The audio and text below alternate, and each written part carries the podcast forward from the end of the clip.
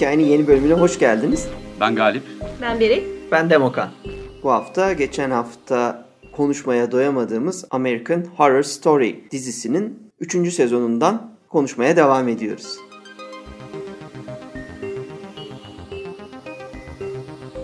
Üçüncü sezonda cadılar var. Coven. Coven dediğimiz. Yuva diyelim ben ona, ona. Ben ona kovan diyorum. Yani arı kovanı gibi.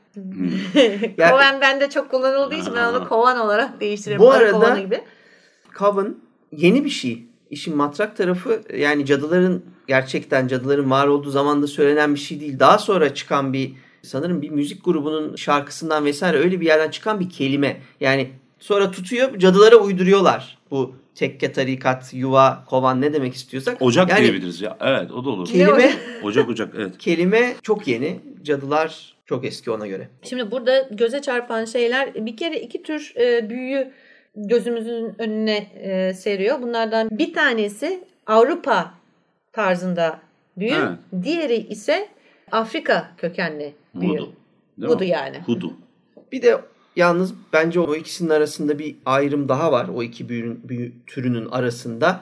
Bu Jonathan Strange ve bir şey dizisindeki aynı mantıkla biri içten gelen, özünden istemsizce yapılabilen büyü, diğeri çalışılıp okuyup yazılıp bazı Daha törenler Hı. yaparak oluşan büyü gibi. Biri biraz daha dünyevi, öbürü biraz daha uhrevi kıvamında bir ayrımı da bence var. Doğru, Evet. doğru. Kesinlikle katılıyorum buna. Çünkü bir tanesinde direkt elini şöyle sallayıp ateş yakarken diğeri orada paso bir şeyler çizip bir şeyler yapmaya çalışıyor. Yani onun ritüelini tamamlamaya çalışıyor bir şey oluşturabilmek için. Bir de o içten gelen daha çok sezgisel ilerleyen diğeri teknik bir şey çünkü onun ABC'si belli. Formülleri var bilmem ne ritüeli belli. Öbürküsünde o içten gelenin bir tekinsizliği de var bir korkutuculuğu. Yani bu şey kısmet yani ne bileyim şeyde peşrev olmaz modeli. E seçilmiş Kemanda, oluyorsun işte. Yok yok yani ne çıkarsa gibi bir durum da var. Onu onu yönetmek çok zor. Bu da onu tekinsiz kara bir şey haline getiriyor. Beklenmedik bir geri dönüşü sonucu çıktısı olabilir. İşte bir de biri çalışarak yaptığın bir şey. Diğeri sen istemesen de o aileden sana geliveriyor. Bir gün birden büyücü olduğunu, bir gün cadı olduğunu fark ediyorsun ama kontrol edemediğin bir gücün var. Hadi al başına belayı. Bir de enteresan bir şey bazılarında tek veya iki tane güç var. Bir, e, şeyi arıyor, arayışına giriyorlar. Yedi tane olan kimdir? Yani istediği şekilde istediği büyüyü yapabilen kimdir? Evet, Başa kim geçecek? Coven'ın temel şeyi Sup- Supreme'i bulmak. Aynen Ee, öyle. Kraliçe Esas işte. e, evet baştaki ana kraliçe, ana cadı kim olacak üzerine ilerleyen bir sezon. Bu sezonda iki tane gerçek hayattan figür var. Bir tanesi Delphine Lalour. Bunun daha evvelden bahsetmiştik. New. Orleans'ta e, köleleri evinin çatı katına zincirleyip orada işkence eden kadın. Hatta hayaletli evlerde bu hanımın evinden de Evet. bahsetmiştik. İkincisi ise Voodoo kraliçesi denilen Marie Laveau. Ya Marie Laveau yalnız bir şey söyleyeceğim. Bence diziye giren en harika şeylerden biri An- Angela Bassett. Yani bu kadar mı güzel olunur? Bu kadar mı karaktere içten oynanır? Yani böyle bayağı oturup sadece Angela Bassett seyredilebilir bana sorarsanız. Ben e, Bana Çok da- isterliyorum valla. aşk, aşkımı ilan ettim buradan ama yani ama çok güzel değil mi ya? Bana da bir zombi tozundan ver ben de kölen olayım. Durumuna geçmek üzere. ya ben e, bu sezonun introsundaki e, şey bizim meşhur bir tane lordumuz vardır. Papa Legba. Papa Legba var. Ha, bir de işte Baron Samedi. O karakterlerin o ikisinin Dur kimdi o? ya voodoo şeyleri bunlar, şeytanları. İşte Ha, voodoo tamam. tanrıları. Bizim bu dizide geçen Papa Legba. Ha, işte Papa Legba şeyde geçen de bayağı Baron Samedi'yi gördüm diye ben hatırlıyorum. Tipi itibariyle introda. O yani bir zenci adamın gözler bembeyaz bir cin bakışı var vesaire. Voodoo'da bahsetmiştik bunlardan. Ben ondan çok Evet. etkilenmiştim mesela. Bayağı cesur ve iyi bir şeydi. Ee, Madame Lalarie'yi oynayan Katie Bates de e, yani böyle bilmiyorum ki o kadın neyi oynasa kötü oynar. Düşünüp duruyorum. Yani o da iyi bir ekleme tabii. zor yani. bir zor bir vücudu var o kadının tamam mı? Yani ne bileyim bazı insanların tek bir bakışı vardır. Bazı insanların vücut yapısı itibariyle yapabileceği şeyler kısıtlıdır. Ne bileyim yani tipi, yaşantısı, nefesi, Yaşı. sesi bir şeye yetişmez yani. Böyle o da seni kısıtlı bir hale getirir falan. Ama yani e, Misery'den sonra hiç yaşlanmamış gibi bir tarafta vahşi böyle akıl almaz derecede cani bir şeyi oynayabiliyorsun aynı karakterde. Öbürküsünde bir tutsağı oynayabiliyorsun. Ve oranın mağduru da oluyorsun tamam mı? Böyle için acıyor onu mezardan tavuttan çıkarttıklarında böyle bir şey duruşu var ya. Bezgin değil de mağdur duruşu var onun böyle. Cat Bass'i o halde görünce de falan diye için gidiyor. Hayır sonra başına gelenler zaten daha da acıyasın geliyor yani. Ama işte Kadının başına gelen pişmiş tavuğun başına gelmiyor Evet. ama işte son, sonraki sezonlarda da zaten o Madame Lalaury'i temel alan şeyler oynattılar, çıkarttılar. Ee, gene Katie Bass'e ama benim şeyleri güzel, kraliçemdir Katie güzel. Yani o kadını gördüğüm anda ben diyorum evet yani kadın kalitesi tartışılmaz. Kesin iyi bir şey seyredeceğiz şu an falan Evet. bakıyorum. Mesela şey de var yine gerçek e, figürlerden bir tanesi The Axeman. The X-Men evet. The Axeman Ha, o da balta- e, baltacı baltalı baltalı katil. Baltalı katil evet. Baltalı Baltazar. katil o da gerçek bir seri katilden esinlenme. Şey var mesela bu bölümde konu edilen kaja, kaja board var mesela onun kullanılışı var. Diriltme var. Büyüyle diriltme. Yani bu sadece zombisel olarak değil bir de hani dediğimiz gibi içten gelen büyüyle diriltme. E, caz var içinde zaten hikayenin. Caz var, E, tabii evet. X-Men'in olayı o zaten. Aynen öyle. Evde caz dinleme öldürülürsün. Ya da o şarkıyı falan diyor. Yok evde caz dinle. Dinlemezsen dinle- Ha, duymazsam Doğru. gelirim diyor değil mi? Duymaz- Duymazsam gelirim. Aynen öyle zaten. O yüzden klasik müzik parçası çalarak e, Ölümsüzlük de vardı galiba. çağırıyorlar. Değil mi? E tabii. Şey yani gençleşme. Aynen öyle. Bir sonsuzluk. Orada ben yine isterseniz kendi teorimdeki başlığımı söyleyeyim. Oradan devam edelim. Bence Kava'nın teması ergenlikten yetişkinliğe geçiş korkusudur. Bütün karakterlere bakarsak sezon boyunca yani yaşlı ya da genç hiç fark etmez. Ya gerçekten ergendir, çocuktur ve büyümeye çalışır ya da büyüktür ama aslında bir türlü büyük olamamıştır ve o geçişi yapamadığı için sorunlar yaşamaktadır. Ve o geçiş sürecini biz o zorlukları izleriz. Karakterlerin %90'ı için diyelim. Ve o yine bir bireysel bir şeye geçiyoruz. Duruma geçiyoruz. Sorumluluk alanlar, almayanlar, almayanların düştüğü hal ya da mesela çocukça itişmeler. Konsey başkanı Myrtle'ın Fiona'yla kapışması mesela çocukça aralarındaki sorun çocukça çözümleri de çocukça. Ama çocukken başlamış. Tamam Kan çocukken başlamış ama işte bitmemiş. Onlar zaten yani Fiona da hiçbir zaman büyüyemediği, o Coven'ın sorumluluğunu alamadığı için Supreme'liğinin e, karşılığını verememiş. Bir türlü başlarına geçip onları yönetememiş, yönlendirememiş. Evet. Bence o yüzden Kabul de görmemiş aslında yani. Kabul görmemiş derken saygı duyulmamış gibi. Yani işte saygı duyulmamış. işte ama zaten saygı duyulması için de bir şey yapamamış. Sorumluluk asla almamış. Hep kaçmış Evet. sorumluluktan. Burada tema bence bu. Bilinmeyenden korkma çok önemli. Evet. Yine bir başlık orada. Yani o iki tane ikiye ayırabiliyorum. Hani yani bilinmeyenden ve güçlü kadından korkma. Bunların ikisi de yine dönemsel de şeyler ama bugün de hala devam O ediyor. kadından korkma galiba önümüzdeki 200 senenin falan Rahat. eskimezi modası olmaya devam edecek. Çünkü kadından korkma yeni bir şey değil. 2500 Aynen. senedir var. İşte güçlü olduğunu Amazon anladığın an hikayesi işte. ezmeye çalışan hı. bir sistem var Mesela karşıda. gene günah var mesela orada. Gang rape var. Sadece yani toplu tecavüz olayı var mesela. ya bir ergen bir kızın bir yakışıklı komşu çocuğunu arzulaması hadisesi var. Kendisi çirkinken bir de yani orada bir aşkın yeşerememesi davası var mesela. Ama ben şeyi çok sevmiştim. Mesela çok insan tepki gösterdi. Daha önceki dizi bölümlerinin eğlenceli olduğu kısımlarını atladı insanlar. Çünkü hem kanlı sahneler olsun, ondan sonra orada çizilen karakterler olsun vesaire. Bunlar etkileyici, çarpıcı şeylerdi.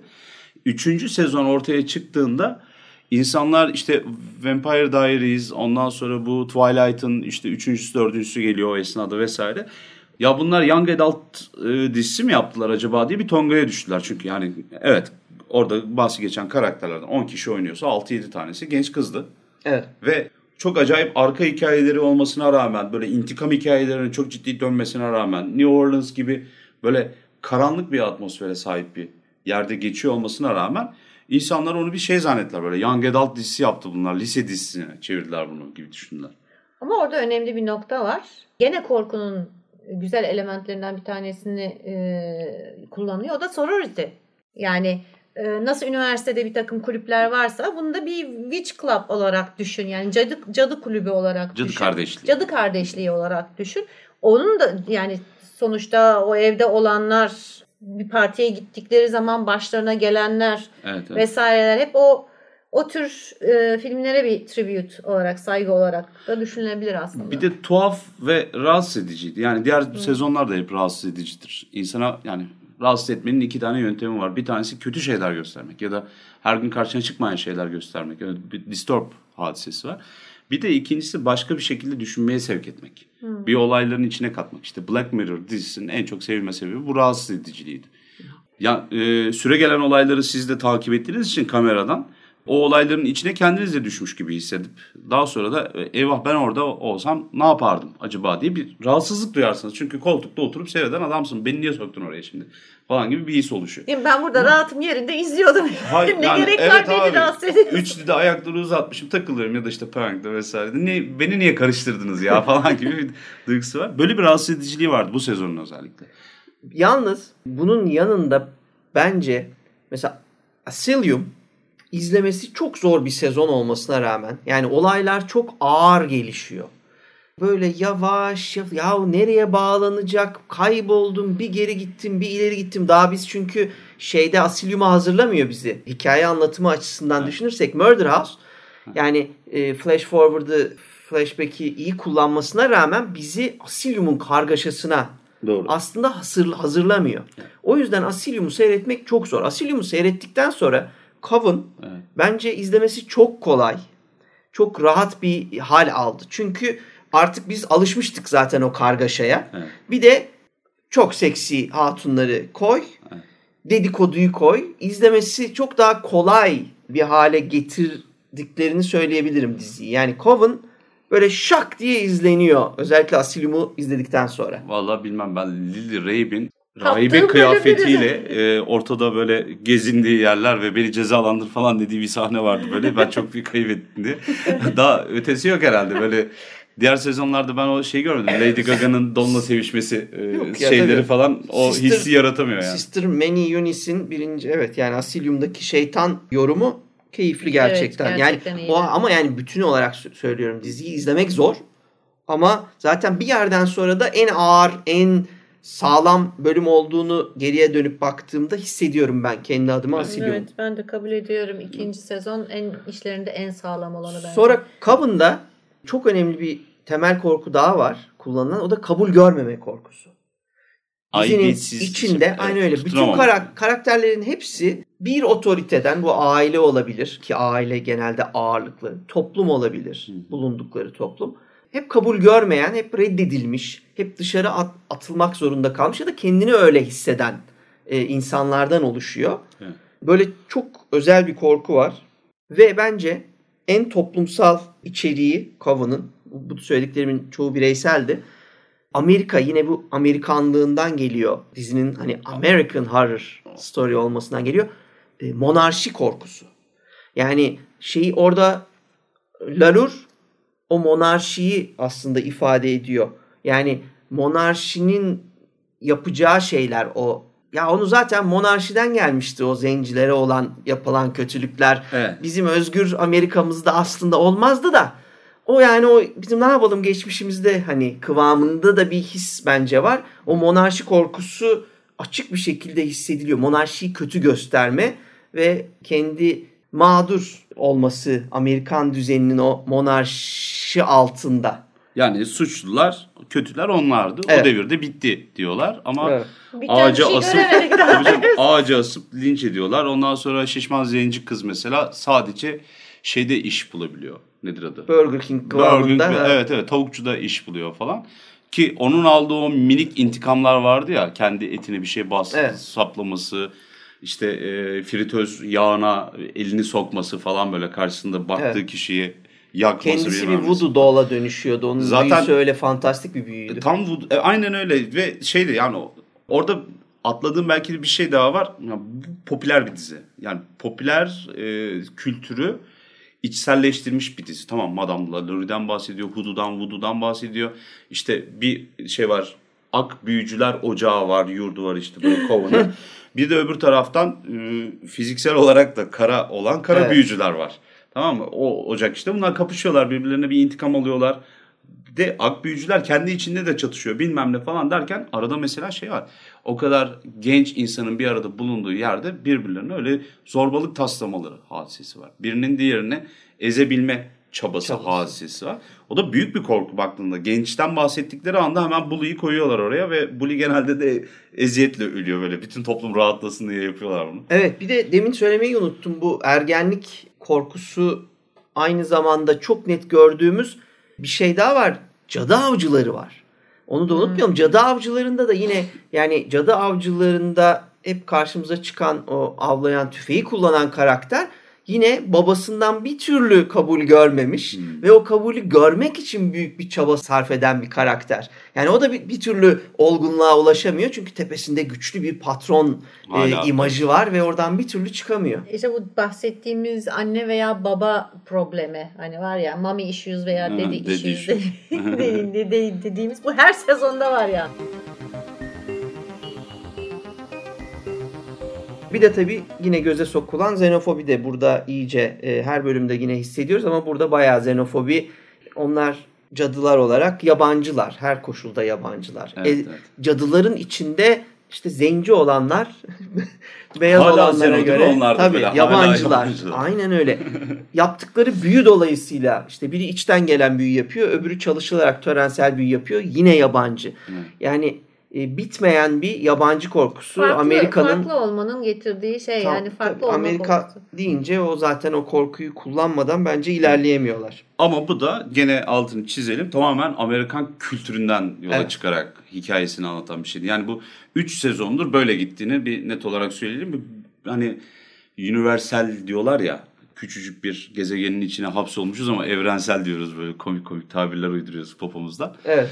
Burada da aynı şey var. Bir Amerika gezegeninde geçiyor bütün buradaki korkular. Ondan sonra kültürel altyapılar. İşte korkunun tanımlandığı yerlerde hani dedin yani kıta Avrupa'sının monarşisinden, aristokrasisinden evet. korkuyorlar. Ya da sınıf ayrımından korkuyorlar.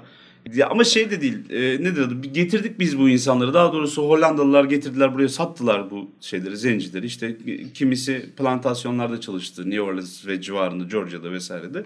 Kimi başka bir şey ama suç hiç bunlara konmuyor. Bunlar masum köylü olarak yaşıyorlar. Tabii canım yani ama bak bu şey de var. Hikaye anlatıcılığında modern hikaye anlatıcılığında Amerika'nın böyle bir şey var. Mesela Amerika son 20 senenin hatta belki 30 senenin en tartışmaya müsait ve e, ciddi ters sorular soran filmini geçen senelerde bağımsız etiketiyle birincisini daha sonrasında büyük bütçeli diye yayınladı, yaptırdı.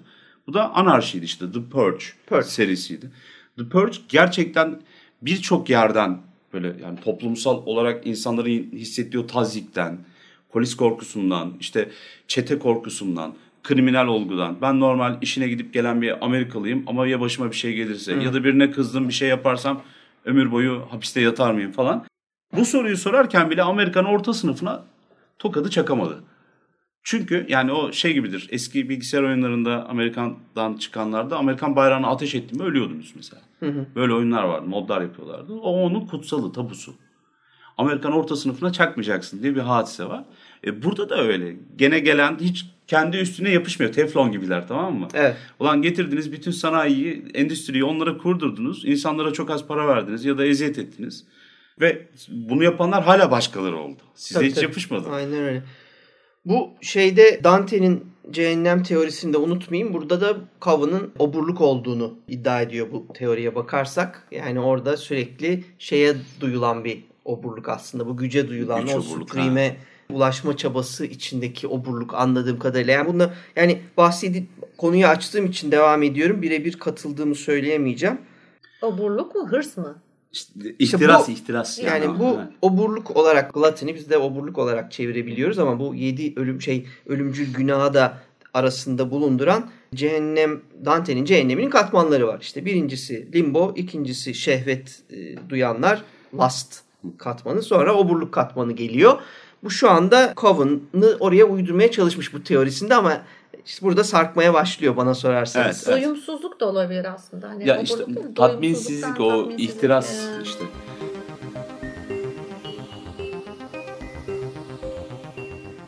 Bir tane benim gözüme çarpan şeylerden örnek vereyim. Mesela köken meselesi. Hı hı. Yani bu cadıların e, içten gelen cadıların, içten büyüleri olan cadıların aslında zamanında Salem'de yargılanmış cadıların ve orada ölmeyip hayatta kalmış cadıların soyundan gelmeleri. Yani ya da aslında hikayenin detayına bakarsak esas cadılar yakalanmıyor orada. Hep cadı olmayanlar kafalar karışıp ama sonuçta korkup esas cadılar kaçıyorlar. Aynen öyle ve sonuçta Salem'den. soylarını devam ettiriyorlar ve o soyundan gelen e, genç kızlar da bu kovanın içine giren Hı hı. e, genç kızlar. Bir başkası ise zombiler. Tabii ki işin içine voodoo girince zombi de muhakkak giriyor. Bu benim hoşuma gitti açıkçası. Zaten voodoo'yu ele almaları hoşuma gitmişti ama bir de zombiyi es geçmemeleri orada e, hoşuma gitti. Hele onların mezardan çıkış sahnesi e, vardı. O bence gayet iyi yapılmış bir sahneydi. Evet, evet. Yani zombi meselesinde de şey de güzeldi. Bir yandan Voodoo'nun klasik zombiyi günümüzde Amerika'da aldığı şekliyle klasik diyeyim ama o zombiyi mezarlardan çıkarmayı da işlendi ama bir yandan daha öncesinde daha en baştan ölen genç cadının aşık olduğu ölen genç oğlanın arkadaşları ölen arkadaşlarının en iyi parçalarını birleştirerek Frankenstein vari bir tarzda dikilip ama bir yandan da içten gelen büyüyle canlandırılması, bir şey öğretilmeye çalışması orada Kyle Spencer'ın o zombiliği o da bence daha böyle hem Frankenstein havası var hem Baya- baya modern evet. bir yandan da modern daha modern bir zombiye hiç mezara girmedi mesela. Mezara girmeden canlandırılıyor. Diğer zombiler bildiğimiz düşünmeyen zombi gibi davranırken bu büyüyle canlandırılan zombi yine büyüyle ve eğitimle daha iyi bir yere getirilebildi. Evet ama başta dikkatini çek, çektiyse gene ilk uyandığında daha basit insan hani aklını çok kullanamayan, Tabii, duyguları şaşmış. Değil mi? Aynen öyle yani. Mesela, mesela yani. onun hikayesinde de Kyle'ın hikayesinde de anne meselesi var. Bu anne meselesi sadece şeyle kısıtlı da değil. Kyle'la da kısıtlı değil. Biliyorsunuz esas Süprem'le Süprem'in e, kızı var. Aynen E, onun arasında da büyük problemler İşte o da var. Cadı avcısı babayla ol dediğim gibi. Yani er- zaten o yüzden ana temanın ben ergenlikten çıkış meselesi olduğunu düşünüyorum. Hı hı. Evet yani bütün karakterlerde hemen hemen bu sorunlardan var. Yani şeyin Laluri ve kızlarının ilişkisi yine Ha, aynı evet. şekilde Evet. kaotik ilişkiler.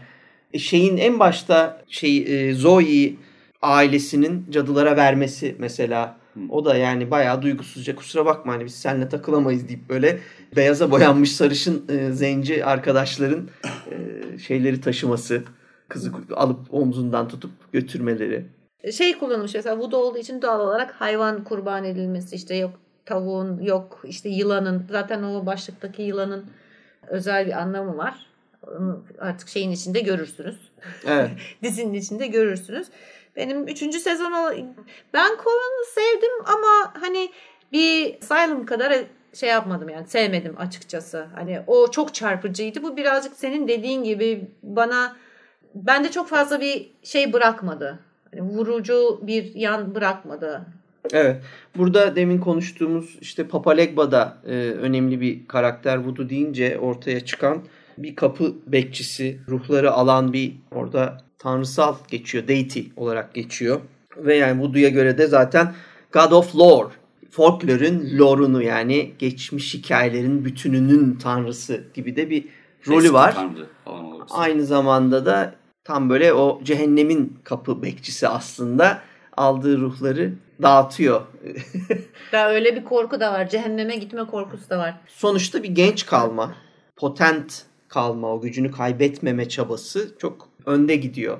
Ölmeme zaten temel gözümüzün önündeki konulardan biri. Ölümsüzlük, ölümsüzlüğün büyüyle elde edilmesi hem de bunun voodoo'yla daha doğrusu elde edilmesi. Bunun karşılığında ödenmesi gereken e, Bedel. bedeller. Bunlar güzel işleniyor. Bir de çok enteresan e, şey var. İlk sezonda vardı. ikinci sezonda var mıydı? Tabii pardon pardon ilk sezonda değil. ikinci sezonda ve e, üçüncü sezonda vardı. Kanser işleniyor mesela orada da. Ölüm korkusu olarak hep kanser e, ortaya atılıyor. Yani birisi karakterlerden bir tanesi kanser. Evet. Evet. Evet yani o zaten o da modern insan sonuçta Amerika'da modern dünyanın merkezi olduğu için daha doğrusu galibin deyimiyle diyelim Universe'ın e, evrenin merkezi olduğu için onların korkularından tabi temel korkularından biri de kanser. Spalding diye bir karakter var biliyorsunuz şeyin içinde, Coven'ın içinde. O da bir uşak ve dilini kesmişler. O bir dilsiz uşak. Bence bu espri kendi içinde.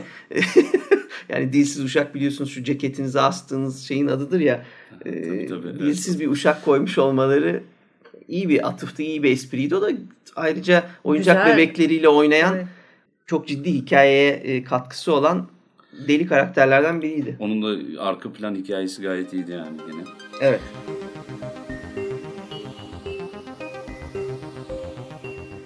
Evet. Sezon 4. Gelelim Freak Show'a. Gelelim İfrik'e evet. Buyurun gelelim Freak Show'a. Freak Show'da daha evvel diğer programın başında bahsettiğimiz gibi Freak Show farklı insanların görünüşleri farklı, sakat e, veya uzuvları eksik doğmuş, uzuvları bozuk doğmuş ya da farklı doğmuş insanların Evet fiziksel, Fiziksel- ciddi büyük fiziksel engelli büyük fiziksel karakterler. engelli veya farklı diyelim.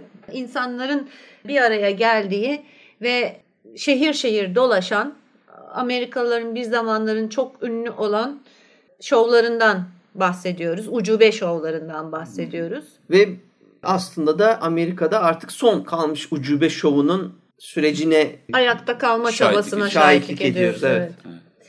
Şimdi buradaki e, Freak Show'daki her bir karakter aslında bana göre e, özeldi. Çünkü hepsi hemen hemen gerçek figürlerden alınmış olduğu için. Mesela sakallı kadın evet. veya ne diyorlar istakoz elli çocuk. Hı hı. Ki bu bir aileymiş meğersem. Gerçek hayatta bir aileymiş. Ee, Dizide de zaten aslında ona atıf var. Onun bir aile olduğuna e, ilerleyen bölümlerde görüyoruz. ve Şey- gerçek hikaye, gerçek hayattaki Anne oğul zaten onlar. Evet, burada baba esas. Yani o çocuktan doğan Babadan gelen bir babadan gen. gelen Hmm. bir gen olduğu için işte şey yapıyor. e, gerçek hayattaki bir süre sonra işte alkolik oluyor. işte e, pek çok şey geliyor başına. Yani adam şey bir adam. Öfke dolu ve şiddet temeyilli bir adam gerçek hayattaki. Da- Bu, dizide buradaki dizide buradaki de, dizide e, aynı sorunları şekilde işliyor. aynı sorunları işliyor. E, ilk Siyam ikizi. Siyam zaten ikizi. O bir şahaneydi yalnız. O bir şahane yani. Betty, Betle Dot Tatler. Dot evet. Ee, dünyanın en küçük kadınından bahsetmiştik gene bu sezonda onu göreceksiniz. Başka kimler vardı? Şimdi düşünüyorum. E işte şey var. Fok yani adam vardı. Üç memeli Angela yine Angela oynadığı. Bassett'in oynadığı var. Jessica Lange'ın oynadığı şey vardı. Mars vardı işte. Yani El, Elsa Mars'ta Elsa bir Mars. sadece bacakları yoktu aslında ama Evet. e, o yine de kendini bir göstermiyor bunu sakladığı halde. O E, ciddi freak freak e, sonuçta. Ee, şeyler vardı E, işte. yine Pepper Pepper'la. Pepper Pepper'la var. e, kocası karşımıza çıkıyor. İkisi de iğne kafa çift şey yapıyorlar. İşte kolları olmayan dövmeli adam. Fok adam diyorlardı onu da. Evet o da Hmm. kolları fok. e, Bir de bacakları kısa. hiç bacakları olmayan bir kadın vardı. Yarım kadın vardı. Dünyanın en Kadın. büyük kadını diye var. Amazon vardı. var hı. evet. Amazon var. Başka başka. Tabii bütün bunların ötesinde gene anne sor anne problemi çeken e, son derece zengin, görüşte görünüşte tamamen normal bir ucubemiz var. Evet evet ya bizde bir de neydi yazar yapımcıların ismi Ryan Nabrett. Bu Ryan ya Ryan'ın ya Brett'in çok ciddi bir Anne e, sorunu anne var. sorunu varmış belli ki oradan bir yerden fena halde e, her bölüme ince ince Şey- sızdırıyor yani. O Hiç kaçırmıyor. Şey diyedir ama eee, nedir adı hani seks sels, cat sels gibi bir şey var ya kedi satar, seks satar. Evet, ama yani e, sonuçta burada onlar da satmayacak çok seviyorlar şeyi. satmayacak hiçbir şey yok aslında Amerikan. Story'nin içinde ama bu her seferinde hiç sekmiyor bence yani yazarlarda var bir şey. Katil palyaço var bir kere en önemlisi. Ya evet o galiba bu American Horror Story'nin en en en güçlü ve en korkutucu şeyiydi. Hatta eee, şey şimdi Palyaçolar A- aktörün- Birliği. aktörün adını bulmaya çalışıyorum da Pardon. Palyaço, bu arada Palyaçolar Birliği bayağı itiraz etmişler. Kötü gösteriyorsunuz. Ama ciddi e, kötü Korkutuyorsunuz. Yani daha doğrusu clown fear diye bir şey bir şey var. Clown, Evet. clown fobia yani Evet. palyaço fobisi denilen bir şey var. var ama ben Ve oldukça da yaygın bir şey bu. Evet. Bunu körüklüyorsunuz diye adamlar itiraz çekmişler yani. Ama Biraz yani haklılar Türk, da orada. ya biraz Türk bir tepki olmuş tabii ister istemez konu olmuş ama yani o bir Hamamcılar Birliği e, şeyi reddi gibi e, şeye hamam filmine. Biz böyle değiliz aslında. Ama şey evet de var Twisted ya. Clown. Ha, evet. bu, onun makyajını yapıldığı anda ya da onun sahnelerinin çekildiği anda set boşalıyormuş abi. O kostümü itibariyle işte ağzı dişleri onun üzerine giymiş olduğu o ağız kapatan maske Evet. üzerinde kirli bir palyaço elbisesi ve adam da maşallah dev gibi yani. o baya baya baya korkmuştu. Herhalde American Horror Story serisinin En e, korkunç Evet, karakterlerden evet bir yarattığı tanesi. evet. en korkunç görsellerden bir tanesiydi. Yani böyle palyaçolar hep korkulur da bayağı da etkileyiciydi. Yani çok mesela şey vardır. e, neydi Pennywise miydi? Stephen King'in Evet. e, evet evet. şeyi. It's, İt'teki e, Pennywise. palyaçosu Pennywise. Pennywise'dan sonra en çok korkutan e, palyaçolardan biri oldu. Sanırım bende de biraz palyaço korkusu var. Çünkü palyaçolardan hiç hoşlanmam. Ki zaten görüntüsü Pennywise'dan çok daha korkunç bana sorarsan E, Pennywise'ın adı yani, çıkmış. ha, adı çıkmış bir de biraz bir de şey hareketleri filandı. Bu hareket etmesine gerek yok. Bu durduğu yerde güzel bir kostümdü açıkçası. Tim Curry mi oynuyordu şeyi? Pennywise'ı şeyde. e, onun filminde galiba Tim Curry oynuyordu. Hatırlamıyorum. Pennywise.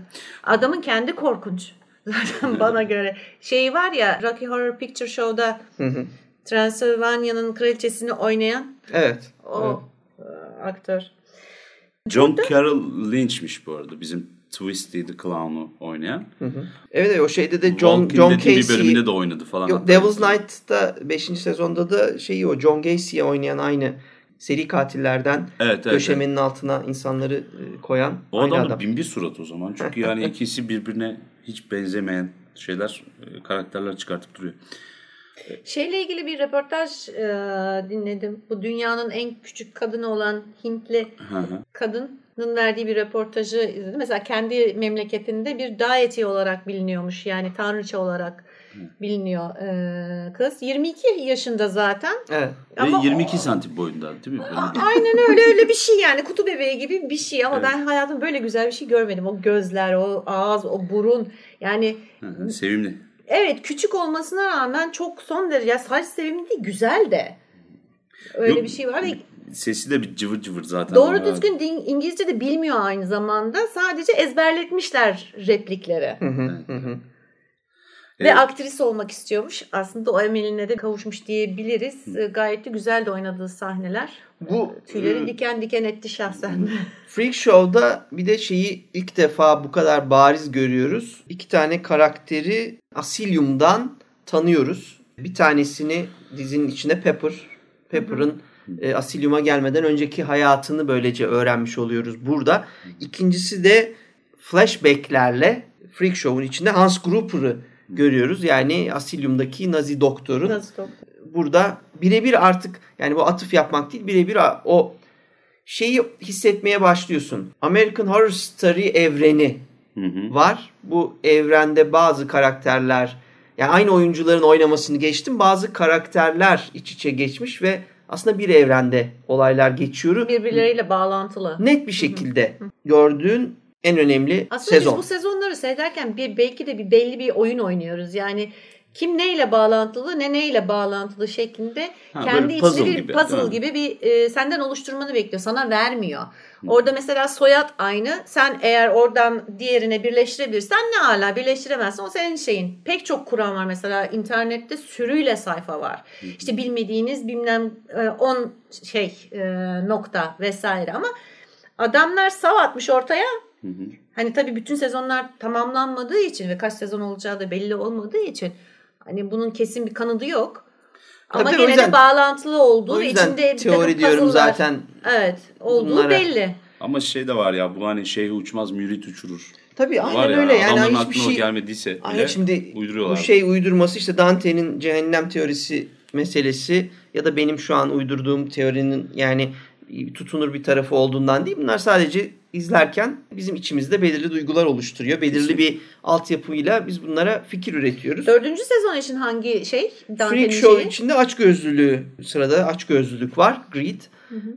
Orada da onu koymuş. Yani şeye olan açgözlülük sürekli işte üne açgözlülüğü Elsa Mars'ın gibi bir yerden anladığım kadarıyla temel olarak o aslında gidiyor. kibir olabilirmiş o zaman. Çünkü hani şan şöhrete duyulan. Evet ama tabii işte sırada Greed var maalesef. O yüzden şey Dante öyle sıralamış. Şimdi onu oraya uydurmaya çalışıyor.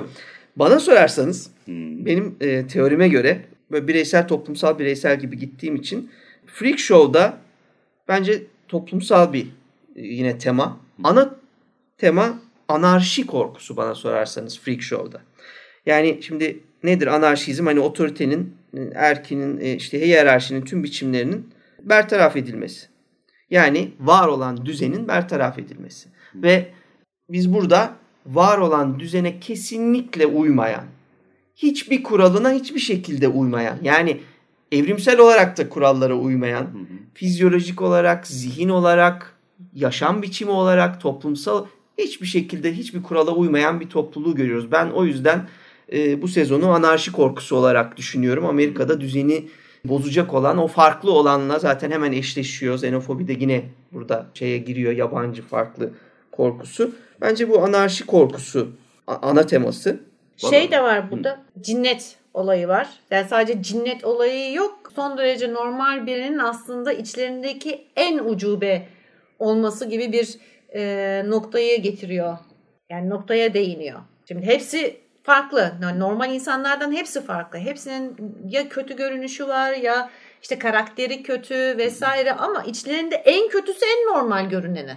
E, neydi? Dandi miydi? Şimdi diyorsun, işte, tamam, zengin olanım diyorsun. Zengin olandan bahsediyorum. yani fiziksel olarak en normal görünen hayır, diyorsun. Hayır, fiziksel evet. olarak en normal görünen dıştan da şey işte şey annesinin annesinin oğlu gibi görünüyor. Süt çocuğu gibi görünüyor. Yani zengin, şımarık çocuk gibi görünüyor ama aslında zengin, şımarık çocuk falan değil. Bildiğin sosyopat, ıı, psikopat bir şey yani. Ama orada da e, güzel yaratık yani bana Orada göre. da yine güzel bir dönüşüm var aslında tabii. Yani oradan başlamıyor. Tabii Twisty'den güzel, başlıyor. Güzel. Hay demek istediğim karakterde dönüşüm var. Ha. Karakterin kendisi merhaba tanıştığımız gün ben işte insanları parçalayıp öldürüyorum diye başlamıyor. Tabii ki. Tabii ki. Tabii. Ama bu freak show'la olan ilişkisi, e, annesiyle olan ilişkisi derken güzel bir şekilde her bölümde katlanarak büyüyen bir canavara dönüşmesi var. Aslında burada glutoni mesela çok iyi uyarlanabilirmiş. Çünkü çocuğun öyle bir problemi var. Tatminsiz. Yani e, biraz şımarık. Hayır sadece şımarık değil. Anne sürekli anne sürekli bunu memnun etmeye uğraşıyor. Yani her şeyi önüne seriyor. İstediği her şeyi yapmaya çalışıyor ama çocuğun umurunda bile değil. Burada zaten ben... Şımartılmış çocuk ama benim gördüm o yüzden dedim ben. Ay, tabii. Zaten Şımartılmış çocuk evet. zaten. Ama peki burada işte ben bir toplumsal okumam daha var bence bu teorinin altında Hı. alt e, konu bu karakter için. Hı hı. E, bana sorarsanız bu da Amerikan o senin söylediğin Hı. alt ve orta sınıfının dünyanın geri kanalıyla birlikte aslında ama zenginlerin kanunun üstünde olmaları teorisinden, komplo teorilerinden korkularının vücut bulmuş hali. Evet. Yani burada öyle bir karakter yapıyorsun ki öyle çok parası var ki kimse ona hiçbir şey yapamıyor. O istediği her şeyi yapabiliyor. İsterse bizim bu anarşi dolu toplumumuzu alıp istediği gibi şekillendirme yönünde hareket edebiliyor. Onun içine fitneler atıp oradaki düzeni bozmaya karar verebiliyor. Bir bence bu çok net bir Amerikan korkusu. İkincisi de tabii Norman Bates korkusu burada yeniden birebir ortaya çıkıyor. Evet. O da yine anarşi zaten anarşizm var. Çünkü adam bekar. Düzene uymaz. Anne dul olmaz. Bu ikisi bir arada yaşıyor. Hiç olmaz. Yani tamamen bu yalnız kalma, düzenli işte köpeği olan, düzenli bir işi olan, babası olan, işte evde çocuklara bakan annesi olan o klasik Amerikan e, rüya ailesi 50'lerde özellikle altı çizilmiş, e, oluşturulmuş hayali düzenin tam zıttı anne oğul hmm. birlikte yaşıyor. Bunlardan biz çok korkarız. Bunlar düzeni bozuyor çünkü. Bir de şey var ya Amerikalıların hani 30 yaşına kadar gelmişsin annenle yaşıyorsun gibi bir hadisesi de var yani bizim. İşte zaten ben bunun kök, kökenini Evet. Bu- Bir sebeple bu düzen bozulmasına veriyorum.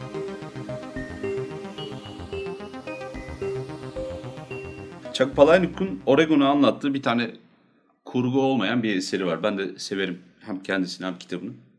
Kaçaklar ve Mülteciler adında.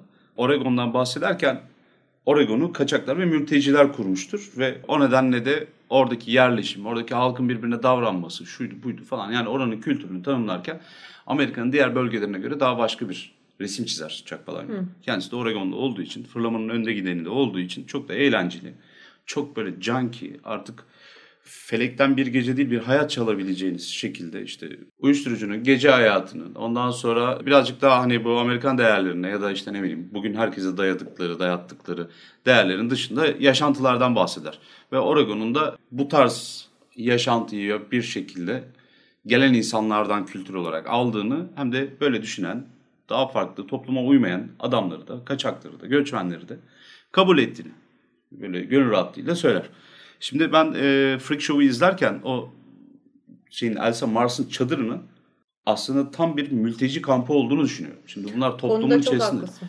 toplumun içindeki insanlar değil. Yani ve tabii bu sanat eseri olduğu için ve herkese hitap etmesi gerektiği için freakleri tanımlarken fiziksel özelliklerini inanılmaz derecede ön plana çıkartarak ve bu özelliklerin üzerinden adeta böyle bir, yani bir istismar filmine Evet. çevirerek kullanması durumu söz konusu. Ama özünde bunlar aileleri tarafından bile kabul edilmeyen insanlar, çocuklar.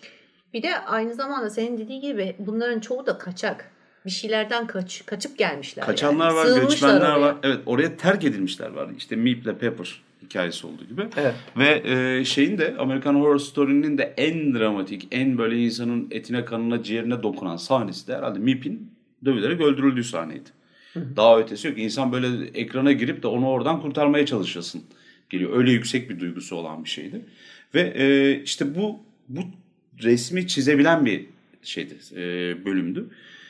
Baktığında da bu sadece hani bugün artık herkesin ağzına diline böyle pelesenk olmuş bir efendim ben tutunamıyorum, ben öteki oldum, ben yabancılaşıyorum toplumda falan değil. Hani vücut deformasyonuyla doğmuş ve artık kendi küçük çekirdek ailesinde bile yaşayamayan insanlardan bahsediyoruz. Mühim Evet. Oradaki reddedilmişliğin boyutunu yani ne anlayabiliriz? Yok o anlayamaz. Ne anlatabilirsin? İşte anca böyle e, izleyebilirsin. küçük empati duyabiliriz sadece Evet. böyle yani ama o da bizim yakın sayacağımız Yüzeysel bir şey değil. olur Çok yani, yüzeysel evet. olur. O çadırın içerisinde olanlar aslında bir başka kaçaklığı ya da mülteciliği de gösteriyor. Çünkü bu neredeyse Amerika'nın son freak show. Yollarda gezen. Yani ve bu işler bitmiş artık seviyesinde. Oradan bir çıkış yolu bulmaya çalışıyor.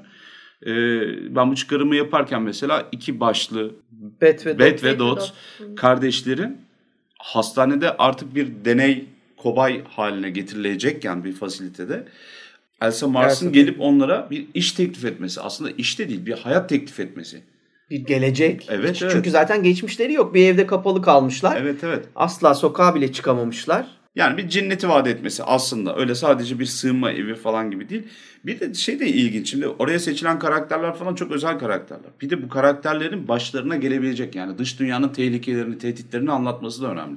Birincisi siz her şeyinize yabancısınız. Artık yani tamam mı? uzaylısınız ötesi yok. Yani Evet. Fok adam var orada, küçücük dünyanın küçük kızı var. Öbür taraftan işte elleri şey İstakoz olan. gibi. O da Fok gibi falan diyorlardı galiba. Yani Yengeç diyorlar işte. Ha. Yengeç. Lobster Yengeç, diyorlar. lobster, lobster. Ha, şey. İstakoz. İstakoz 50 diyorlar. Eldivenle gezmek zorundasın. Yani normal dünyaya gidebilmek için falan. O baya baya oraya atılmış takılmış falansın. Ama bir yandan da işte Mars'ın sana sunmuş vaat etmiş olduğu bir şey var. Diyor ki hepinizin bir yeteneği olacak. Biz de bunun üzerinden para kazanacağız, geçineceğiz, ona göre döndüreceğiz çarkı, devam edeceğiz bilmem ne bilmem ne. Yani ekonomik özgürlük de sunuyor. Tabii tabii karışa neden yok. Kendi çadırlarımız var, kendi hayatımız var falan. Yani Tabii. düşünecek olursan aslında demin dediğin gibi bir cennet yani öyle bir insan için öyle zor durumdaki bir insan için cenneti Evet. e, teklif ediyor. Çünkü sonuçta özgür aslında. Yani o şeyin içinde ama freak show'un içinde ama o freak show'un içinde özgür. Evet. En azından yani yaşıyor yaşıyor en kabul- azından anladın mı? Aa, hayatta, yani. kabul ediliyor. Kabul yani kabul ediliyor işte. edildiğin bir hapishanenin içindesin. Yani herkes seni olduğun gibi kabul ettiği bir hapishanedesin. evet ya Budur ön- özgürlüğün sınırı ama Bir önceki bölümde hani sirk, e, harikalar kumpanyası ayrımını falan konuşurken şimdi onun başka bir şeye dönüştüğünü de söylemek gerekiyor. Şimdi bu işlerin başladığı değilse bile en böyle zirveye yerleştiği, böyle olgunlaştığı yer Amerika. Evet. Amerika'da yani Siyam ikizleri gerçekten Tayland'dan geliyor muydu hatırlamıyorum. Amerika'da evlenip çoluk çocuk yapıyorlar falan. Hatta orada ölüyorlar. Ondan sonra freak show'ları sadece şeyden ibaret zannetmeyin. Sakallı kadın ya da Siyam ikizleri, Tayland ikizleri falan diye düşünmeyin. Aynı zamanda bu bizim meşhur ruhçuluğu anlatırken Houdini bölümündeki kız kardeşler vardı ya. Evet. Ee, o kız kardeşler de mesela böyle bu tarz bir freak show'da bütün Amerika'yı gezip gösteriler yapıyorlar ve insanların karşısına işte ne bileyim çadırlarda vesairelerde aynı numaralarını tekrarlıyorlar. Bu bir gösteri meselesi. Bir şov yani. Bu şovun zaman içinde evrildiği başka bir şey var. Artık şov gezici olmaktan çıkıyor, müzelere dönüşüyor. Ya zaten dizinin içinde de kendisinde de var ya Onu demeye ayrı bir çalışıyorum. öğe zaten. Onu onu demeye çalışıyordum. O o tehdit var ya hani böyle Shark Tank hikayesi tamam mı? O senin peşindeki dehşet, ölüm gibi kaçınılmaz hadise. Aynen öyle işte o çok güzel işte ya bu tam ana fikir zaten bence tam da buradan çıkıyor. Yani sen anarşinin sona erişini Evet. ve düzenin bambaşka bir şekilde yerleşik bir şekilde kurulmasını yani yine avcı toplayıcı var bir de tarım toplumu var. Avcı toplayıcının sonunu Evet. ve tarım toplumunun yerleşmişliğini aslında gördüğün o dönemi izliyoruz. Biz o yüzden bu iş e, düzen ve anarşi savaşı aslında Evet. freak show. Bir de şey de var yani biraz önce Beril sen söylerken arada dedim ya böyle şimdi seni kabul eden bir sürü adam var. Ne kadar freak olsan da bir şekilde. Ne bileyim ya Türkiye'de bir idare ederler. Yani belki doğunun insana yaklaşımı bakış açısı daha farklıdır. İdare eder yani. Bir şekilde seni kabul eder. O kusuruna ağzına bakmamaya çalışır bilmem ne falan.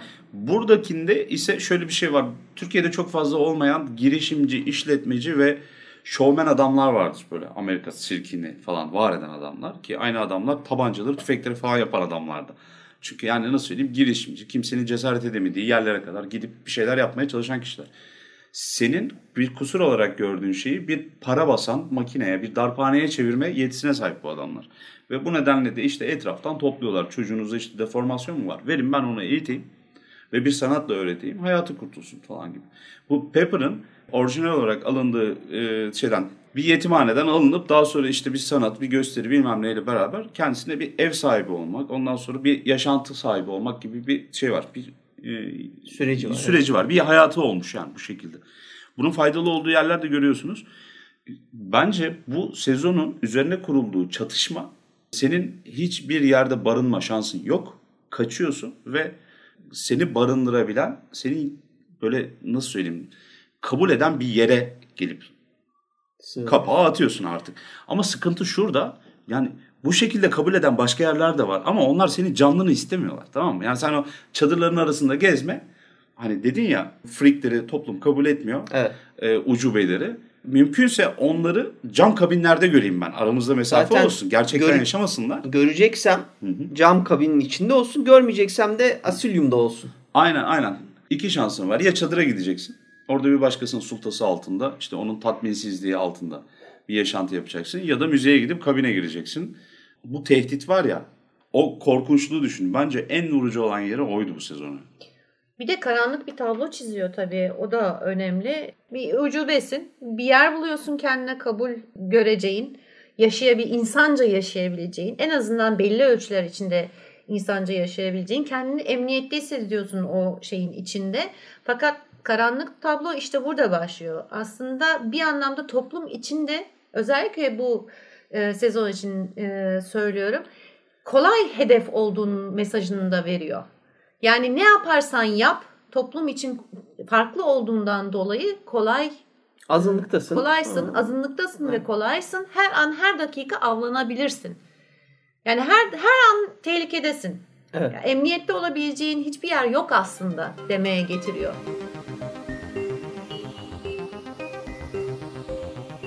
Bir de yine çok Amerikan, e, bizde tabii var örnekleri ama Amerika'da e, çok işlenen bir konu olan sahtekarı görüyoruz biz burada. Hani con man dedikleri böyle long con bir tane uzun e, yalanı sürdüren bir ikili var. Bir de öyle de bir şey giriyor şeyin içine.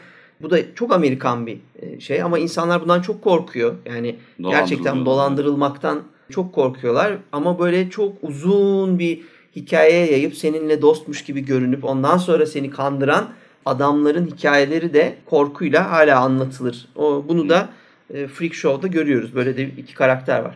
Mesela başka bir şey daha görüyoruz. Bu da bir urban legend'ın, bir şehir efsanesinin e, Halloween esnasında savunlanmasıyla Evet. Çağrılıyor, getiriliyor. çağrılıyor, getiriliyor yani. E, Ki o da bir freak. ki o da bir freak. Evet. Edward Mordrake. Hı hı. İki yüzlü adam. Bir şehir efsanesi bu. Aynı zamanda gerçek bir hikayeden alınma diyeyim. Şimdi burada önemli iki nokta var. Biri Halloween'de olması, diğeri çağrılabiliyor olması. Şeye de gönderme var burada. Candyman'le Bloody Mary gibi işte şehir efsanelerin bir şekilde çağrılabilmesiyle alakalı bir bağlantı var mesela. Bir de orada çağrılma meselesi çok ilginç. Güzel bir nokta. Demin verdiğin Candyman gibi e, örnekler gerçekten bilinçli bir törenselliği var. Diğeri ise bir bağlı ba- bağlı olduğu bir koşul var. Yani Halloween'de eğer sen freaksen ve gösteri yaparsan bu adam geliyor. Ve seni eğer beğenirse, da gaddarsa, alıyor yani. Evet E koleksiyona yani katıyorsun. ama sen bunu isteyerek yani istemiyorsun aslında. Yani orada bir karmaşa var. Yani böyle aynaya bakıp beş kere kendimen demeye benzemiyor. Evet. Ama bu da bir riti anlatıyor zaten. Yani orada bir ayin haline geliyor. Ayin, Bunun kesinlikle. kuralları var tabii. falan gibi. Bu arada şeyi atladık ya biz. Mars Elson bir şekilde dahil oldu. 1920'lerde geçen belki de dünyanın ilk sınav filmlerinden bir Evet. tanesinin anlatılması var. Bu bağlam da çok önemli. Yani bir korku hikayesi anlatırken tabii ki drama, ondan sonra yaşamış kötü ve artık vahşi şeylere odaklanıyorsunuz. İlla ki gözünüz onu seçmeye başlıyor. Onu algılıyorsunuz falan gibi. Fakat bunları bir araya getirip yoğurmak e, zor şeyler. Çünkü başka öğeler var. Başka yani yan hikayeler falan var.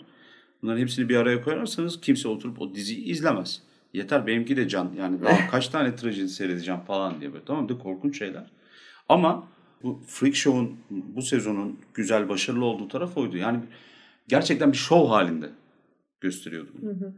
Yani oturup izliyordunuz, bir şeylere şahit oluyordunuz. Bu hoşunuza gidiyordu. İşte ne bileyim rahatsız ediyordu Teatral, ama. teatral bir şey olduğunu Evet, kabul evet. ediyorsun. Yani onu sana öyle hissettiriyor. Seni çok da içine çekmiyor. Seyirci olarak sana bir şov yaptığını her zaman altını çiziyor. Evet. Bir de şarkılar da tabii efsaneydi. Bu Criminal'ı söylüyordu galiba bu Betle Dots. Ondan sonra Mars. bir tane Kurt Cobain parçası söylüyordu bizim şey Jimmy. Evet. Bu şey Evans çocuk. Neydi adı? Çocuk diyoruz da. Çocuk Peter Evans. gelsin işte. Peter, Peter Evans mı? Onun oynadığı karakter işte yakışıklı Jimmy. O Jimmy- mesela bayağı bir pogo Jimmy- yapıyorlardı Jimmy 1952. Darling, Ama Evan Peters. Evan Peters. Peters. Peter Evans. ne geldiyse. Kelimeler doğru da sıra karışmış. Mesela burada e, güzel bir şey de vardı. Tabii bu bir şov olduğu için aynı zamanda hani nasıl spiritüalizmin işlenmesiyle yani sen dedin ya sadece bunlar freak show'lardan ibaret değillerdi. Aynı zamanda spiritüalizm veya işte bu tür gösteriler falan da yapılıyordu diye. Mesela bu sezonda Houdini'ye değmeden geçmemişler. Bu bir. Evet. İkincisi gene e, illüzyon konusunu e, işlemişler. Mesela ikiye ayrılan kadın vesaire sihirbazlığı da ele Sihirbazlık. almışlar. Olmazsa olmaz o çadır tiyatrosunda zaten şeyde sirkinde. Bunlar e, güzel noktalardı.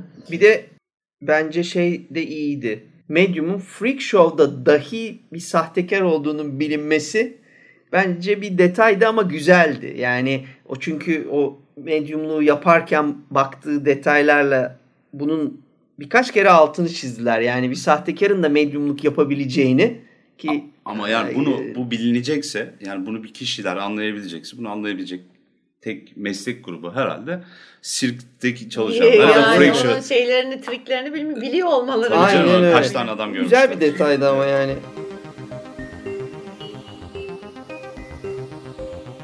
Geldik 5. sezona. Bu defa American Horror Story kendisini bir otele kapatıyor. Hepimizi bir otele kapatıyor. evet evet. Ya bizim burada bu kadar yaşanmış bir korku değil ama bu hani Norman Bates'in e, başrolü olduğu Psycho'daki korku. Ondan sonra Stephen King bunun üzerine işte neydi Shining. 1408'de aynı şekilde Shining'i vesairesi. Bir otel odası korkusu hadisesi var. Hatta bunu Rosemary'nin bebeğini de mesela orası aslında otel olarak düşünmüştü. Apartman olarak kullanılıyor falan gibi düşünebilirsiniz. Çünkü remake'inde de zaten bir otel gibi bir şey kullanılıyordu Paris'te geçen de. Kaçtı? 1400, yok 1808 miydi? Yok. Ne? Drake Otel vardı ya. Hatırlayamadım. Gene şimdi. bir dizi vardı şimdi adını hatırlayamadım. 666 mı diyorsun? Aha şey e, evet, o da- 666. Avenue Aha. cadde. İşte bilmem ne Avenue 666 numara falan gibi. Böyle Evet. bir numara da olamaz herhalde. Neyse. Ee, böyle bir şey var. Hakim bir korku var aslında otel e, olayında. Şimdi American Horror Story dersine çok iyi çalışan bir e, yazar ekibine sahip. Özellikle elinin altında e, bir sürü de korku üyesi olduğu ve kendileri de artık 5. sezonunu yaptıkları için acayip idmanlılar. Ve bu defa da tabii Lady Gaga gibi e, son derece sansasyonel ve popüler İkonik bir bir karakter, karakter evet. işin içine girdi. Sadece Lady Gaga değil Naomi Campbell de var. Şu an tabii bizim için bir isim ama kayboldu tabii. Yani Lady Gaga şu anda ikon olan o tabii yani. Tabii tabii Naomi Campbell mı kaldı 10 senedir Var aktif yani değil. şu anda aslında bizim için kayıp yoksa Amerika için kayıp biri değil yani. Değilse de artık olmuştur o tekrar gündeme Olmuş, gelmiştir evet, yani. evet. Evet. Ee, bu defa işin içerisine hikayeyi kurarken aslında bir cinayet oteli gibi e, kurguluyorlar. Şimdi cinayet oteli falan dediğiniz hadisede şöyle bir bir gerçeklik var. Bu aslında bir murder house'dan çok farklı değil temelinde. Ama bir tanesini küçük bir çiftlik gibi düşünebilirsiniz. Bir şeylerin üretildiği ve sırayla üretildiği küçük bir atölye gibi düşünebilirsiniz. E, oteli de bir fabrika gibi düşünmeniz gerekiyor bu şartlar altında. Şiddet dozu, yoğunluğu, işte e, çıktı olarak vermesi gereken vahşeti vesairesi çok daha yüksek olması bekleniyor. Neden derseniz evde bir kişi ya da bir aile yaşıyor.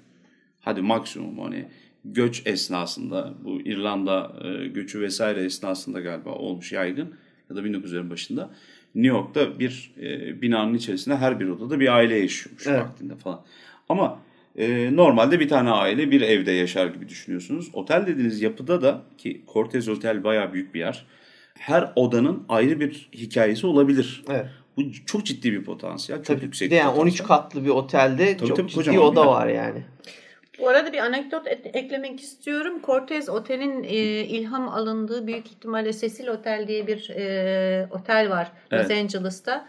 Oradan ilham alınmış. Orası gerçek hayatta aslında murder otel yani e, cinayet oteli olarak e, bir biliniyor. lanetli otel tadında değil mi? Lanetli ha, otel hemen intihar hemen ediyor falan. 600 600 küsür odası var. 600 küsür odasının da lanetli olduğu söyleniyor.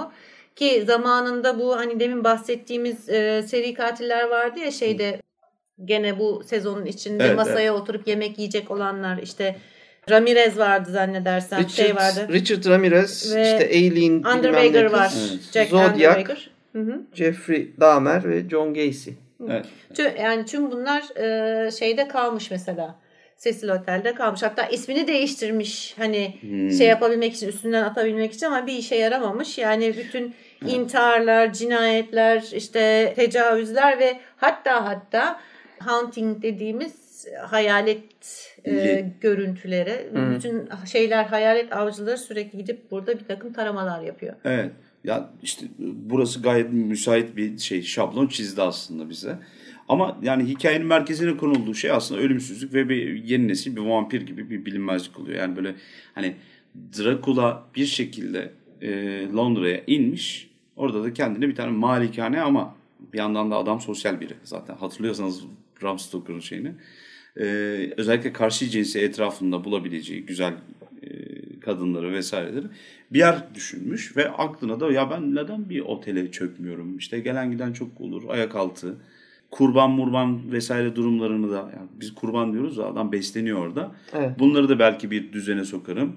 Sana sunabileceği imkanlar bayağı sınırsıza yakın oluyor. Bu nedenle böyle oraya geçmiş ve çatı katında yaşıyormuş Lady Gaga'nın neydi Mistress karakteriydi işte. Kontes. Elizabeth ismi. Kontes. Kontes. Ha, Elizabeth adı da. Böyle bir de hava yaşanıyor gibi geliyor. İşte kaybolan çocuklar öbür taraftan bir tane polis falan.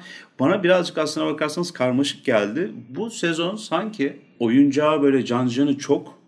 Tamam mı? Renkleri vesaireleri işte bu sevişme Göz sahneleri boyama falan. bol. Evet evet yani makyajı çok ama arka tarafında hani ne bileyim Freak Show'da falan böyle bir saat anlattığımız ya da işte Asylum'da e, bir derinlik bulduğumuz hatta yani en hoppa ve hafif denebilecek Coven'da bile bir sürü bulduğumuz alt metinden sanki biraz yoksun gibi geldi bana.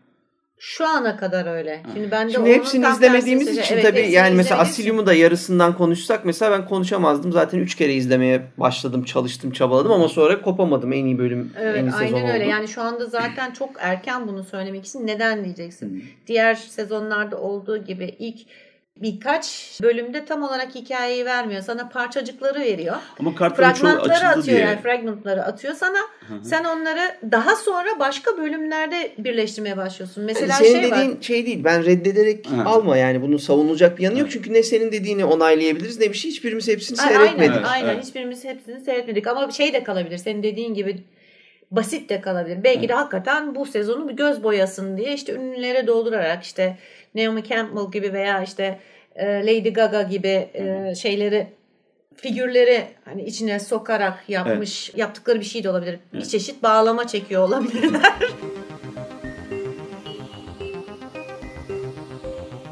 Ama izleyiciden tev- en yüksek tepkiyi ya da en sıcak mı diyeyim daha organik tepkiyi alan sezonda bu oldu mesela. Gaga yüzünden Diğerleri oldu. yüzünden. Sadece Gaga'dan da değil işte diyorum yani makyajı vesairesi çok iyi bu sezonun. Kostümler falan Evet, tabii doğru. otel çok güzel. Tabii işte yani şimdi orada art dekoyu alıyor, tabii. ortaya koyuyor. Böyle bir Ne süre diyorlar? otele Kükreyen bakmaya yirmiler, çalışıyorsun yani. Değil mi böyle tam o tarz. Bir de şey de var. Mesela modayı fokus olarak almış, odak noktası olarak Evet. almış. İşte modeller, moda tasarımcıları ondan Evet. sonra. Ya yani bu çarpık şeyler ilişkiler var. ama böyle yani bu- orada bahsedilen şey ne bileyim ya da biz hep Stephen King vesaire üzerinden hep Amerika'nın doğu yakasına birazcık daha aşina mıyız artık ne diyeyim? Çünkü doğu yakası eliti diye bir şey var.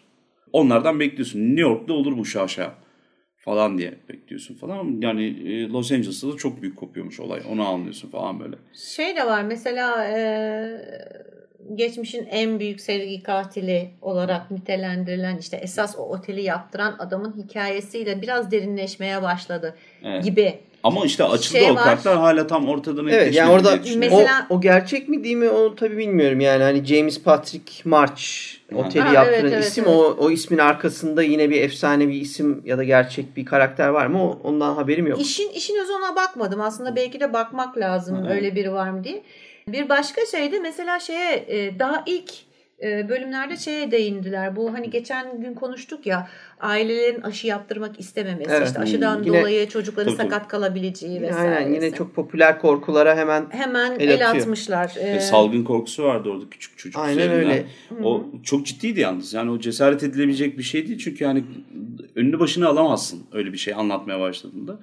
Hikaye bir anda streyne dönebilir ama dönmeyecek büyük ihtimalle. Yani benim Evet. izlediğim kadarında yoktu. Gene burada mesela kaybedilmiş bir çocuk var. Aslında bütün sezonlarda o var. Yani ya düşürülmüş ya ölmüş Kaçırılmış. bir küçük çocuk ya da Evet. kaçırılmış bir Evet. e, çocuk var.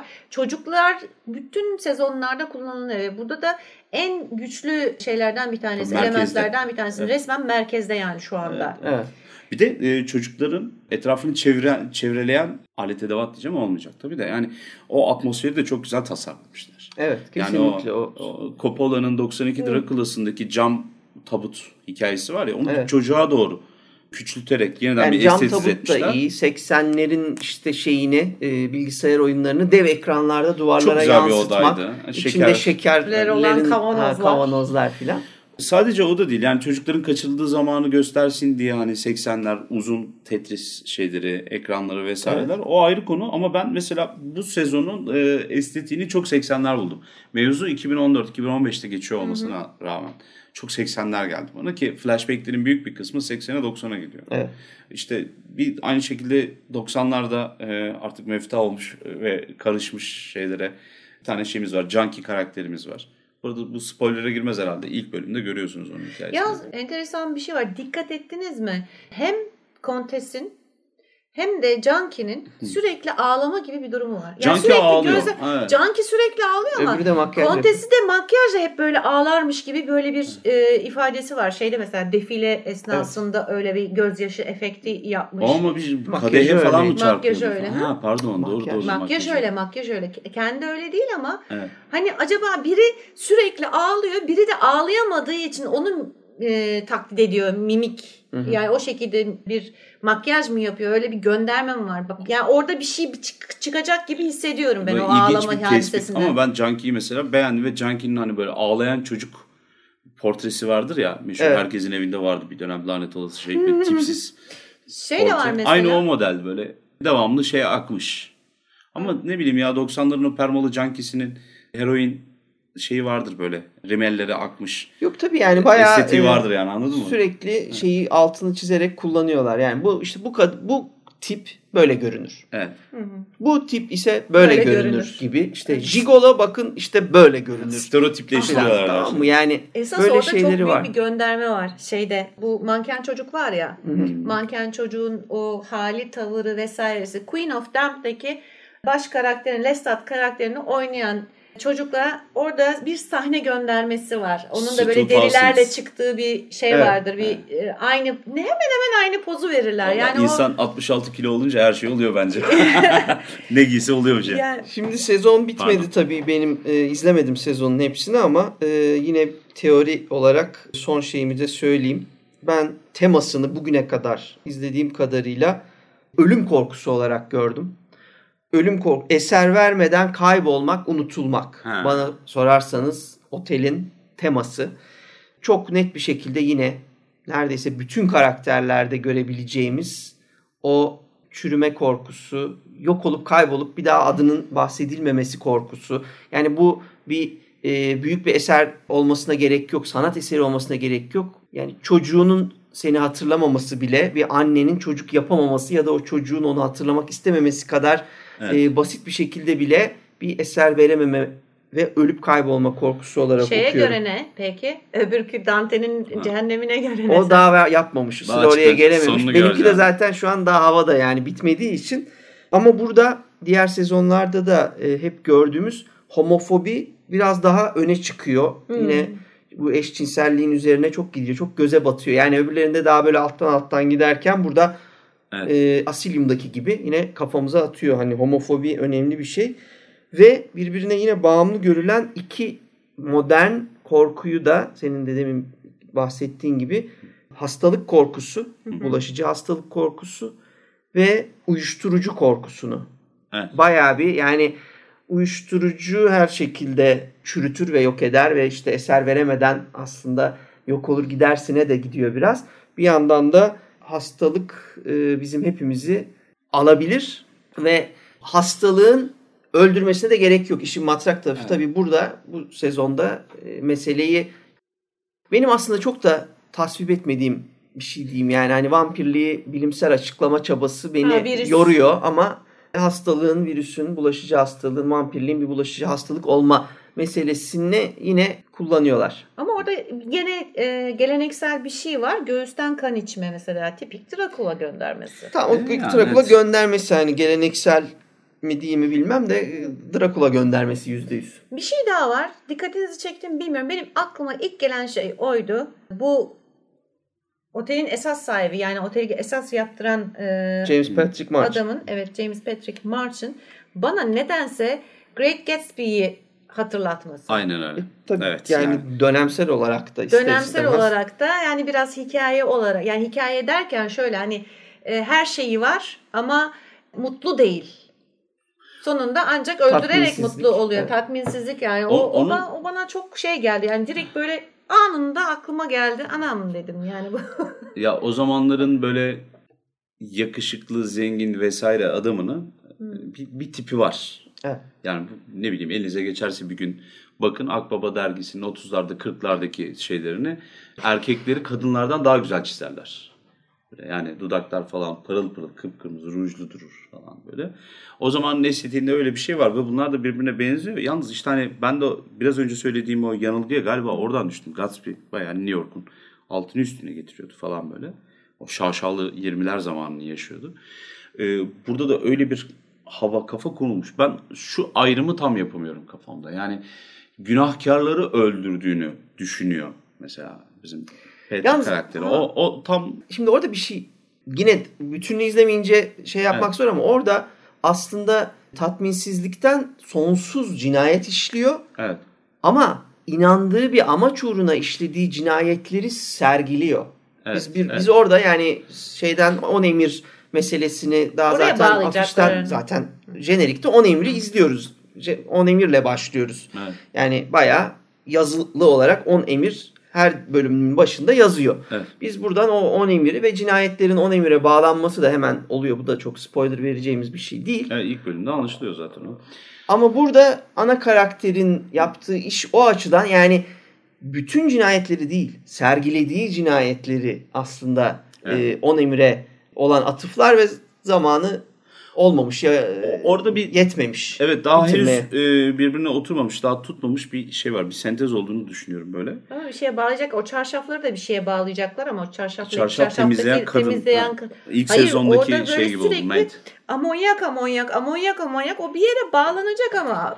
O iyi bir karakterdi ya. Ona yan Ha, bir öykü de karakter yazdılar. ayrı mesele ama genelde zaten hani bu sezonlara şöyle bir genel dikkat ettiğiniz zaman e, sürekli tekrarlanan gözünüze sokulan şeyler sonunda öyle yerlere bağlanıyor ki Evet. böyle bazen apışıp kalabiliyorsunuz. Ama işte onlar da başında öyle düşünmüyorlar.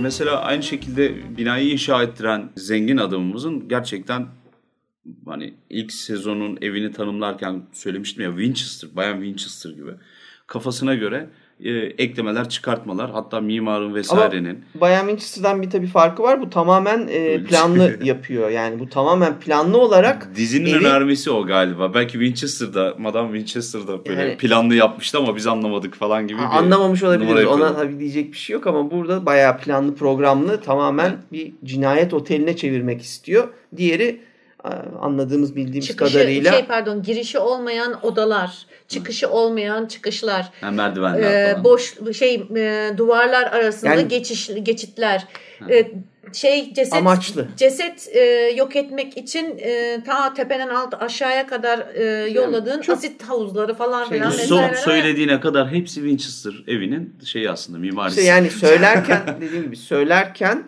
e, biri ikisi de aynı geliyor kulağa. Hı. Ta ki birinin amacı olması öbürünün amacı yokmuş gibi Amacı görünmesi yok. kadar basit bir şey. Bu sezonun bence en çok üzerinde durduğu şey de yani baktığım zaman benim aklıma şu geliyor. Oradaki karakterleri falan gördüğüm zaman böyle yokuş aşağı frenleri patlamış bir arabanın içerisinde son derece mutlu, gülerek giden insanlar görüyorum. ben. Toplumun kuralları sizin el freninizdir aslında. Yani zorluklarla karşılaştığınız zaman ya da her günkü yaşantınızda sizi yoldan çıkmanızı önleyecek şeylerdir. Limitler, kısıtlar, stopajlar vesairelerdir. Bunların içerisinde oluyor. Bu otele bir şekilde girmiş ve otelin artık sakin olmuş. Herkes acayip yoldan çıkmış. Bir ya da tanesi çıkıyor. Ha, mesela dedektif var o da çıkmak üzere. Az daha, kaldı. daha ne yapsın? O zaten ilk şeyi darbeyi almış o çocuğu kaybolduğu için. O zaten meyilli yani ama anneyi nereye koyacağız? Anne de ayrı psikopat çıktı. Şunu demek istiyorum. Ee, herkes içindeki şey ya da böyle ulaşmak istediği ülkülerle beraber hep Kontes'in ağına düşüyor. Mesela bütün ay sonra. Bayağı bildiğin Cortez oteli aslına bakarsan bir böyle Kontes ihtiras duygu oldu. böyle his oteli tadında bir yer. Yani nasıl söyleyeyim bir gerçek dünya var. Bir de tatile gittiğinde uçarı bir şekilde yaşadığın bir şey böyle kaçamak oteli tadında. Tamam? Böyle öyle bir evren var. Orada takılıyorsun işte Liz Taylor hikayesinde olduğu gibi crossdresser orada kendini buluyor. Yalnız işte orada güzel bir noktaya değindim. Bunu şöyle de okumak mümkün Galip. Biz e, bir noktada e, anlıyoruz ki Elizabeth Kontes o ezilen, rahatsız edilen, mutlu olmayacağı belli çocukları koruması altına alıyor. Özünde yaptığı şey o. Biz bunu birebir yaptığı küçük çocukları unutup da diğer kahramanları göz önüne getirirsek aslında hep o oluyor. Evet. Yani hayatta bir sebeple tutunamayan, ezilen, sıkıntı çekeceği bariz olan karakterleri kendi altına alıp kanatlarının altında onları e, koruması altına alıyormuş Aslında- gibi bir okumada alabiliriz belki. Mars yani gene. Aslında Mars. Gerçekten şimdi onu söyleyecektim. Aslında bu da bir çeşit freak show gibi bir şey. Yani otelin kendisi hareket etmiyor ama içinde barındırdığı karakterlerin çoğu freak denilebilecek tatlı Evet, yani. Hem o var. Otel hareket etmiyor ama ziyaretçileri hareket ediyor. Ha, Herkes evet, otele geliyor bir de tamam mı? Yani çadır sabit bu sefer. Evet. İnsanlar dünya onun etrafında Geliyor, değişiyor gibi. vesaire. Evet. Evet biz iki bölüm doya doya American Horror Story konuştuk. Evet. Ama 5 sezona da o yakışırdı şimdi. Yani Ee, işte bayağı inceledik. Ee, Şey de vermemeye çalıştık. Spoiler sanırım onda da fena değiliz. Mutlaka e, görülmesi gereken korku ile ilgilenen herkesin göz atması gereken bir dizi. Bir de bu kadar atıftan bahsettik. Ben aşkımı açıklamıştım. Ee. Burada da e, Angela Bassett Ramona Royal 5. sezonda Ramona Royal diye bir karakter oynuyor. 70'lerin aktrisi. O bence de Pam Grier'a bir saygı duruşu Tabii olarak ki, ben tabii. net bir şekilde görüyorum. B-movie'ler değil mi böyle? B-movie'ler Evet. enfes yani onu da atlamayın. Ee, bizleri dinlediğiniz için çok teşekkür ederiz. Gelecek bölümlerde görüşmek üzere. Görüşmek üzere. Görüşürüz.